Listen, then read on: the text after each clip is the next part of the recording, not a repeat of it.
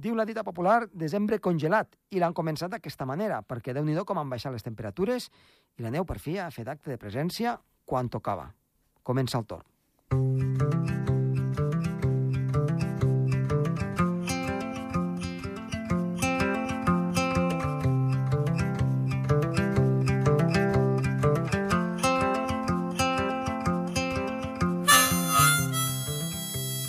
Doncs en el programa d'avui tenim tres temes molt interessants. El primer de tot, Gerard Tauler ens parlarà del que és l'illa de calor urbana, quines són les seves característiques. Després parlarem amb Sergi Càrteles d'un fenomen meteorològic que a vegades succeeix aquí a Andorra, no és molt freqüent, que és la pluja engelant. I finalment l'Àlex Van der Laan ens parlarà sobre el que és l'AO, l'oscil·lació àrtica, i què ens espera al llarg del mes de desembre segons el que són els models meteorològics a més llarg termini. Som-hi!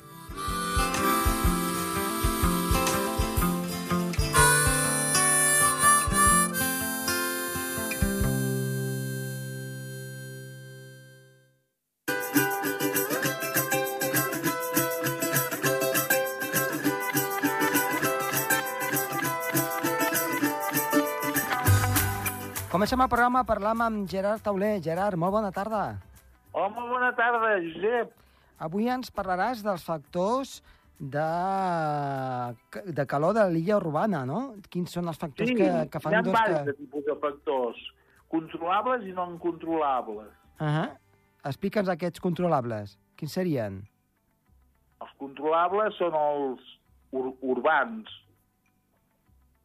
el factor de visió del cel, Uh -huh. l'ús del sol, si, si, si els carrers són més amples o més estrets, si els edificis són més alts, si posem vegetació als carrers, Sí? i els incontrolables són els factors meteorològics, la nebulositat, la velocitat del vent, la inversió tèrmica... Uh -huh. Per tant, eh, amb aquests dos factors el que podem determinar després, a l'hora de fer uns transectes del, del qual tu ets un expert, això Sí, no- gràcies. ho sabem prou bé, és eh, tenir en compte tots aquests dos factors, no? els controlables i els no controlables, en els Quals... quals... El serè, per exemple, i, Sí. i ben encalmat, com aquí a Girona en tenim molt sovint, Sí. o, o fins i tot amb cel variable, Mm. hi ha, hi ha molta més illa de calor que, que per exemple, aquests dies eh, a Tarragona o a Barcelona en fa molt més vent, Uh -huh. i l'illa de calor, clar, és molt més dèbil. Vull Clar. dir, clar, La, la... El, el vent el que fa és homogeneitzar la, les diferències tèrmiques entre la ciutat i el camp. Molt bé. I més l'illa de calor, en canvi, sense vent, l'illa de calor és molt més fort. I amb, i amb nebulositat també, ja ho sabem, si és de tipus baix, sobretot, Sí? disminueix les illa, la diferència de, de temperatura entre el centre i els afores. Per tant, pot ser que... En canvi, amb, amb núvols alts Sí? no, no tenen tant d'efecte amb l'illa de calor. Uh -huh. Per tant, pot ser que una... Núvols baixos, perquè això depèn de la radiació d'ona radiació d'o- d'ona llarga que emeten els, els núvols, que és més gran en el cas dels núvols baixos. Uh -huh. Per tant, podria ser que una gran ciutat que a priori pogués tenir una gran illa de calor, però que és un lloc eh, sovint molt ventat, doncs la illa de calor sigui més petita que un altre lloc que està més arrasarat, no? Clar, clar, clar, clar. I també la distància al mar, ho vaig llegir en un article fa, fa, fa pocs dies, un article científic per review, en, re- revisat per parells. A les ciutats que estan a, a menys de 10 quilòmetres del mar Uh -huh. tenen menys illa de calor que les ciutats que estan més lluny de 10 quilòmetres del mar. El mar suavitza la illa de calor, la, la disminueix. Uh -huh. Doncs molt bé, Gerard, moltíssimes gràcies i t'esperem la setmana que ve. Molt bé, Josep Tomàs. Adéu-siau. Vagi molt bé. Una abraçada. Igualment.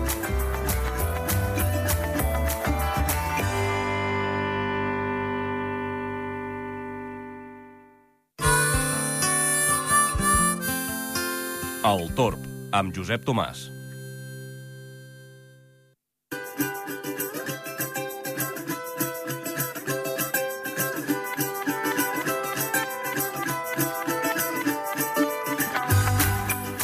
Doncs avui tenim amb nosaltres, com gairebé cada setmana, en Sergi Càrceles. Sergi, molt bona tarda.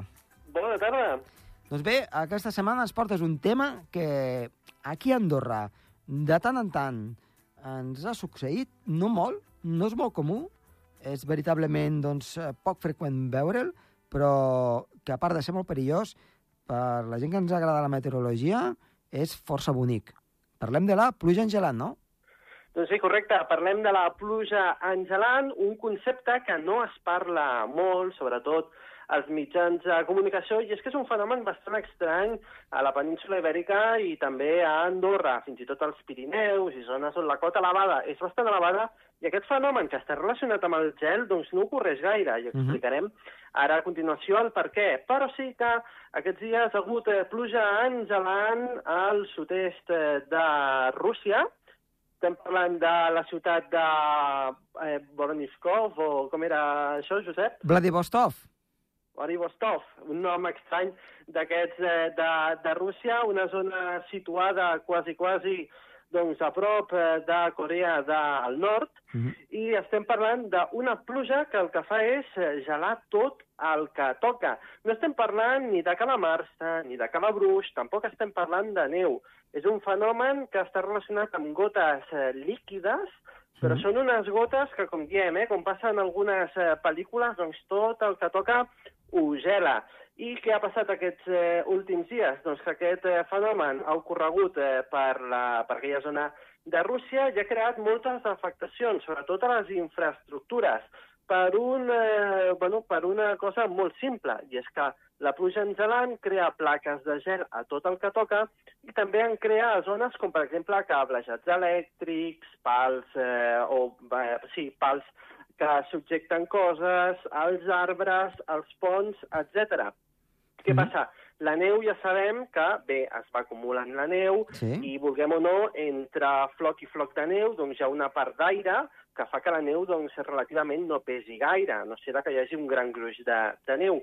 Però, clar, quan parlem del, del gel estem parlant d'una superfície d'aigua completament congelada on no hi ha quasi res d'aire i pesa bastant, sobretot si parlem d'alguns eh, centímetres de, de gel superfícies molt grans que queden gelades i, per exemple, molts cablejats elèctrics en aquella zona doncs, s'han trencat doncs, pel, pròxim, ai, pel, pel, mateix, eh, doncs, pel mateix pes Uh -huh. que genera aquest gel. També estem parlant de molts arbres caiguts, infraestructures com, per exemple, vies de tren que han quedat completament inutilitzades perquè s'ha gelat la via del tren, la zona per on passen eh, els trens, els frens no funcionen, molts cotxes han quedat completament coberts de gel inutilitzables i la veritat és que si busqueu per les xarxes socials i per internet eh, pluja engelant, doncs veureu imatges completament precioses, però a la vegada doncs, també tenen una gran influència sobretot a la societat, perquè les afectacions doncs, estan a l'ordre del dia. Si t'assembla bé, comentarem una mica com es forma aquesta pluja engelant i el per què no succeeix eh, doncs, per la zona d'Andorra. Doncs, eh, va, sí, i jo explicaré alguna petita anècdota també d'Andorra. Eh, poqueta cosa del, del que doncs, en aquests anys eh, hem pogut veure aquí a Andorra. Eh, després que hagis fet tu les explicacions, doncs continuarem doncs, debatent sobre aquest tema. Doncs mira, principalment eh, parlarem de que la pluja engelant, eh, estem parlant de gotes d'aigua que estan congelades però de forma líquida. A capes altes de la troposfera que la temperatura és per sota de zero, podríem dir que el que cau és neu en el Mhm. núvol, però a capes mitjanes, sobretot a vegades a causa de fronts càlids i altres eh, doncs, fenòmens que desplacen masses d'aire a capes mitjanes, estem parlant a 4.000, 3.000 metres d'alçada, per aquelles zones doncs, hi ha un aire que és superior als 0 graus.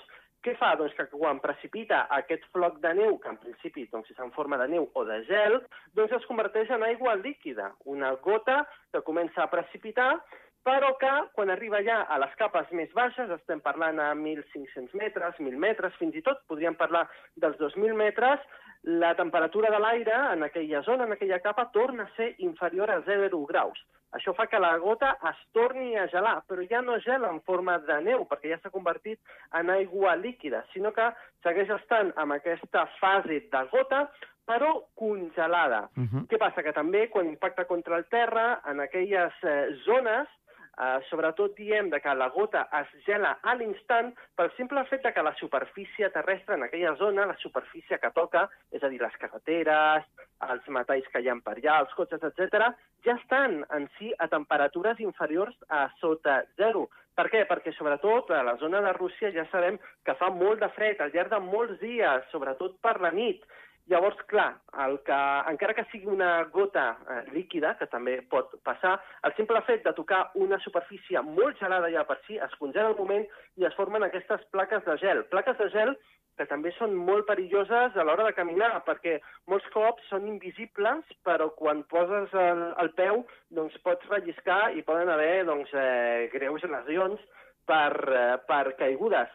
Sobretot això passa a zones on la temperatura molt sovint és inferior a sota zero, però a part també ha d'haver aquest, eh, aquest eh, fenomen en concret, i és uh -huh. que a capa intermitja la temperatura sigui superior a 0 graus. Clar, llavors diem que hi ha una inversió tèrmica, no? Sí, Això clar. sobretot passa a les valls, a zones de les valls on hi ha inversió tèrmica, sobretot a l'hivern. Fins i tot també hi ha la boira en gelant, no?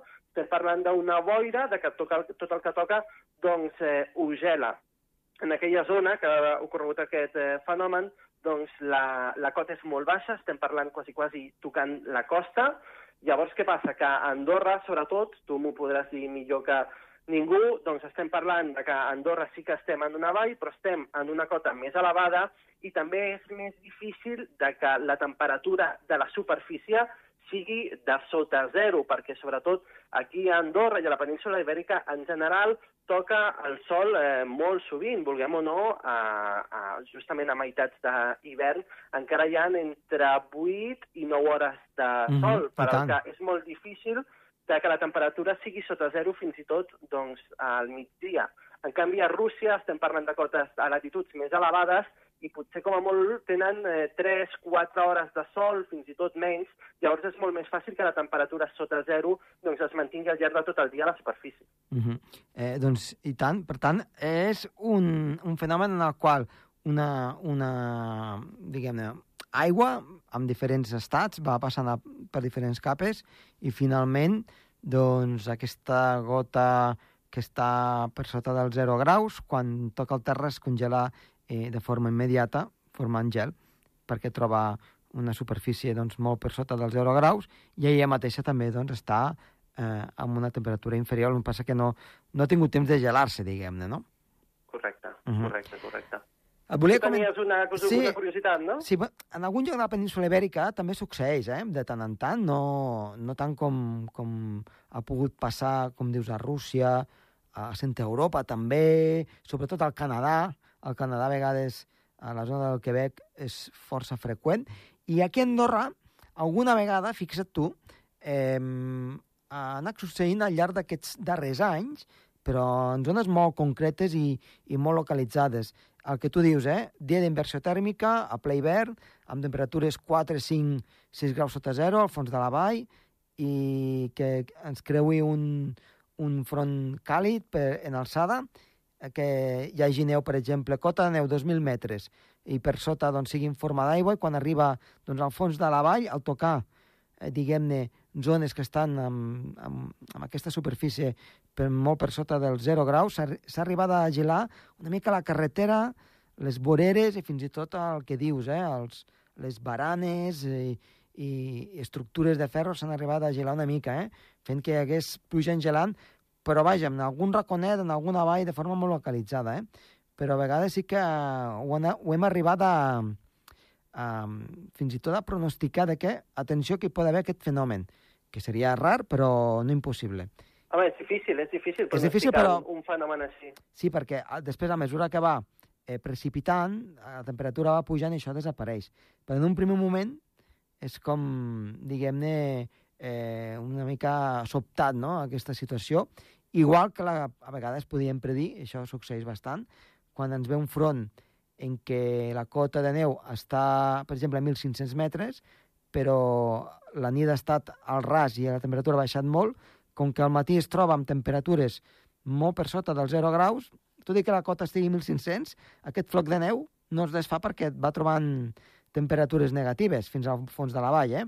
Fins que no renovada la massa d'aire no, no puja la cota. Això a vegades ha passat, que hem tingut sorpreses de cota neu 1.500 metres i neva fins, fins a la frontera, fins als Déu-n'hi-do. 800 metres d'alçada, eh? Doncs eh, la pluja en gelant, un fenomen doncs, que és força maco de veure amb fotografies i vídeo. Ara ho estàvem mirant aquí eh, amb el company Ricard, que ens estava ensenyant les fotografies d'aquesta zona de Vladivostok, on es veuen aquests vehicles totalment sota, sota el gel, eh? amb un gruix de 2, 3 i 5 centímetres, que fa que sigui el cotxe, vaja, que no, no el puguis agafar. Fins... No, no, és impossible. Engegar aquest cotxe eh, és, està quasi inutilitzat del tot. Home, fins que no es desfaci, sí, eh? Ja veurem si la bateria aguanta. Sí, sí, a, a les lentes 2000 li tires 4 quilos de sal i potser amb una mica de sort, saps? Però vaja, Però... difícil, difícil està. Doncs Sergi, moltíssimes gràcies. T'esperem la setmana vinent. Que vagi bé. Adéu-siau.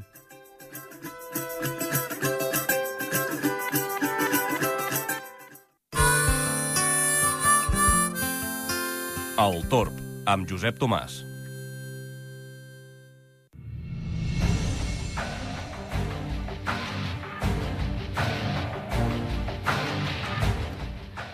Doncs tornem a tenir aquí a Àlex Manderland, el meteoròleg aficionat més polèmic de tota la zona, diguem-ne, de l'est del Mediterrani, o de l'oest, de, depèn d'on es miri. Àlex, què tal? Bona, bona tarda. Molt bona tarda, Josep. Bueno, això s'ha ani- s'ha animat molt, eh? S'ha animat molt. Sí, de l'última vegada que vam parlar ja teniu el País Blanquet. Sí, sí, sí. Ja han arribat les pertorbacions, al desembre una mica, el que marcaven els models, que s'aniria animant la cosa, Exacte. i després d'un novembre doncs, que va estar molt i molt càlid, um, aquest desembre doncs, va començar molt bé i, i no ha parat, no? Poc o molt ha anat fent, ha anat fent. Allò és que se'n diu la nevada silenciosa, que sembla que no nevi, però, però va fent i va acumulant. El normal, no?, perquè és un mes de desembre, que també doncs, ha de nevar una mica. Uh, a poc a poc ens acostem cap a, cap a l'hivern i és al final de la tardor ja és una mica més freda. Àlex, què ens portes? Uh, Bueno, a veure, En el és el que... espai. A veure, avui us explicaré una altra teleconnexió, eh, un índex, eh, l'AO, però bueno, és el que parlàvem. El bloqueig, com tu has dit, de novembre va ser molt dur i ara fins i tot hem tingut un desembre amb temperatures clarament per sota les normals. Hem tingut aquesta invasió freda polar marítima, que, Mhm. com tu dius, està fent... Eh, ha baixat molt el mercuri a molts jocs i, sobretot, està, eh, ha obert la porta que ens entrin brots atlàntics, que sí que és bé... El, el primer fort no ens ha entrat, però directament ja ha estat entrant i fent, i fent cada cop més, eh, com tu dius, acumulant centímetres. A veure, l'AO. La- L'altra vegada, l'última vegada que vam parlar, vam parlar del NAO. L'AO seria eh, també un índex, vale? elementalment els índexs estan basats sempre en models, no surten de la res, que el que ens, ens mesura són les pressions àrtiques. I al igual que el NAO, eh, a- aquesta pressió pot ser positiva o negativa. Si la pressió és, eh, si aquesta pressió és negativa, o sigui, l'índex és negatiu, és el que ens afavoreix nosaltres. Perquè què vol dir això? Això voldria dir, d'alguna manera, a veure, com tots, com tots els nostres oients saben, el fred s'està acumulant a l'Àrtic. Vale? L'eix de la Terra, de 23 graus, fa que ara no hi hagi insolació i a poc a poc, bueno, com una habitació que tanquem, típica que no entra la llum, es va refredant, refredant, refredant. Vale. Aquest fred a vegades pot quedar tancat allà en l'Àrtic. Una mica el que va passar, com tu bé recordes, l'any passat, Josep, eh, que va estar completament tancat el vòrtex troposfèric i l'estratosfèric, tancat allà, i el fred no sortia. Per això vam tindre aquell febrer tan lamentable. Què està, què està passant? Doncs que a partir més o menys de principis de desembre, aquest índex, que el porta sent positiu des de mitjans d'octubre, més o Mhm. menys, porta sent positiu, es va neutralitzar i ara està negatiu. I si miréssim la, la previsió, eh, vale, eh, fins quasi bé mm, finals de, de mes, la majoria dels ensembles, que els ensembles pels nostres oients són els, les, les diferents probabilitats que, que els models treuen, seguiran sent negatius. Què vol dir això? Doncs això vol dir que, en principi, a la zona àrtica tindran altes pressions, això és molt important per nosaltres, tu ja ho saps de sobres, vale? tindran altes pressions, i això afavorirà a que l'aire fred pugui baixar a latituds mitges i baixes. I això és molt important perquè significa que, pel que els models van dient, aquest mes de desembre continuarem tenint possibilitat d'entrades fredes. Vale? I, concretament, doncs, eh, això pot vindre, a lo millor, pues, de nou amb una entrada polar, podria ser de nou que ens vinguéssim doncs, bosses fredes que es despengen de Terra Nova, o fins i tot, com alguns models han insinuat, eh, ara no, ara ho treuen, ara ho posen, que vingués la, la, la, la, la, la, la, la bèstia de l'est, eh, la- l'estrella, la que tots els meteofriquis, jo el primer, eh, esperem, que seria la... La del 56. La 56. Bueno, allò va ser una siberiana brutal, però bueno, que ens vingués ja una entrada freda continental, Sí. ja la signàvem, Mhm. vale? que voldria dir són les entrades que ens afecten més a nosaltres amb l'aire amb l'aire fred. Doncs l'AO ens està indicant, curiosament, que estem en aquesta situació. És a dir, que d'alguna manera eh, tenim altes pressions àrtiques i això afavoreix a que el fred, d'alguna manera, perquè la gent ens entengui, pugui baixar a, la, a latituds més baixes. Mm, Per tant, eh, diguem-ne que continua una mica el moviment meteorològic eh, Correcte. amb, amb els mapes aquests doncs, que, que anem mirant a més llarg termini, amb aquest índex, en aquest cas NAO, i també AO, el que estàs explicant I ara avui. féssim un- una pinzelleta ràpida Sí. al NAO, veuríem que també segueix més o menys negatiu, Mhm. neutre negatiu. Sí. Això vol dir que no estem en zona de bloqueig. Mhm. Tot això, perquè la gent també ho tingui clar, jo he fet una mica una ullada a aquests models més de gran termini. Sí, I sí. que molts d'aquests models, eh, m'he basat, hi ha molts, mo- ja, ja n'hi hem parlat, hi ha molts, jo he agafat el CFS i una mica les anomalies eh, de geopotencials a 500 hectopascals, vale? Mhm. el que seria un, més o menys 5.500 metres. Quan són anomalies positives és zona anticiclònica i quan són anomalies negatives seria zona de baixes pressions. Però, si Doncs més bé. no, ja, ja t'indica una mica uh, el, el, com pot ser la, la mitjana no? de- d'aquests dies. Eh, hi ha altres pressions, baixes pressions, i això doncs, ja et fan sumar una mica el nas on han de tirar les coses. No vol dir que hagi d'anar a Andorra, eh? Però, Ah, sí, exacte. però sí que t'indica una mica doncs, la situació meteorològica cap on pot tirar.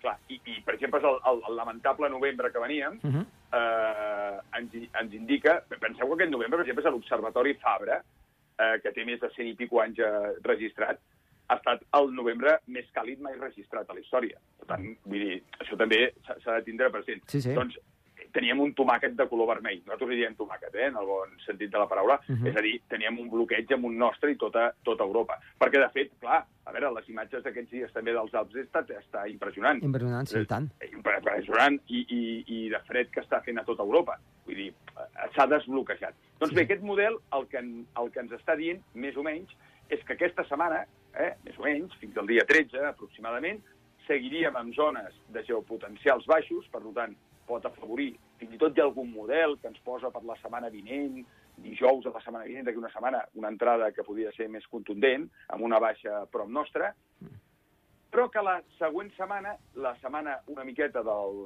del diguéssim, fins al 19 de, de, de desembre, vale? eh, fins, perdó, ara m'estava equivocant jo, la setmana fins més o menys eh, el 14 de desembre fins al 18, aproximadament, aquí ja estaríem una setmana que segurament estaríem en una mica de zona més de bloquejos. Mhm. Llavors seria la setmana més calmada. I sí que ha les dues últimes setmanes de gener, eh, de desembre, perdó, ja, ja me'n vaig, ja... Massa les dues eh? últimes setmanes de desembre, estaríem en un espai neutral. No, no marca el model ni geopotencials negatius ni bloquejos. Però a mi hi ha una cosa que tu també suposo que et farà il·lusió, que marca bastant bloqueig per una zona una mica amunt que es diu la zona escandinava. Mhm. ja, tu ja m'entens. Sí, sí.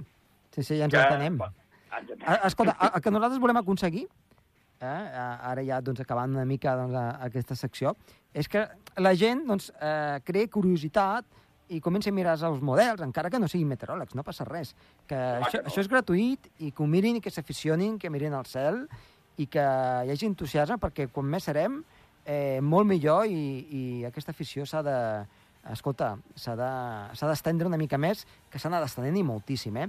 Eh ja per acabar, Àlex, eh, recorda'ns una mica um, dintre de les teves xarxes socials, quina és la teva pàgina web, que hi ha un munt de models i expliques una sèrie de coses que són molt interessants i que la gent, Sí. doncs, pot, per començar, pot començar allí eh, a mirar una miqueta què és el que ha de ser. Correcte. Eh, la, la pàgina web és alexmeteo.com, eh, hi ha la part de blogs on publico posts i prediccions i tal, però sobretot hi ha un apartat que estic molt content d'ell, que es diu models meteorològics, Mhm. que us ho he classificat fins i tot, doncs això, els models hemisfèrics, estacionals, eh, satèl·lits, radars, i on la gent pot tot, tots aquests models que estem xerrant, elementalment a l'AO, al NAO, Mhm. a l'AO, al NAO, a, llarg termini, tot allò ho trobaran. Molt bé, doncs, Àlex, allí tenim el Bademecum per poder mirar i començar a aficionar-se amb, aquesta, amb el que és uh, la meteorologia. Moltes gràcies i t'esperem una propera vegada. Una abraçada, adéu, adéu. Adéu-siau. I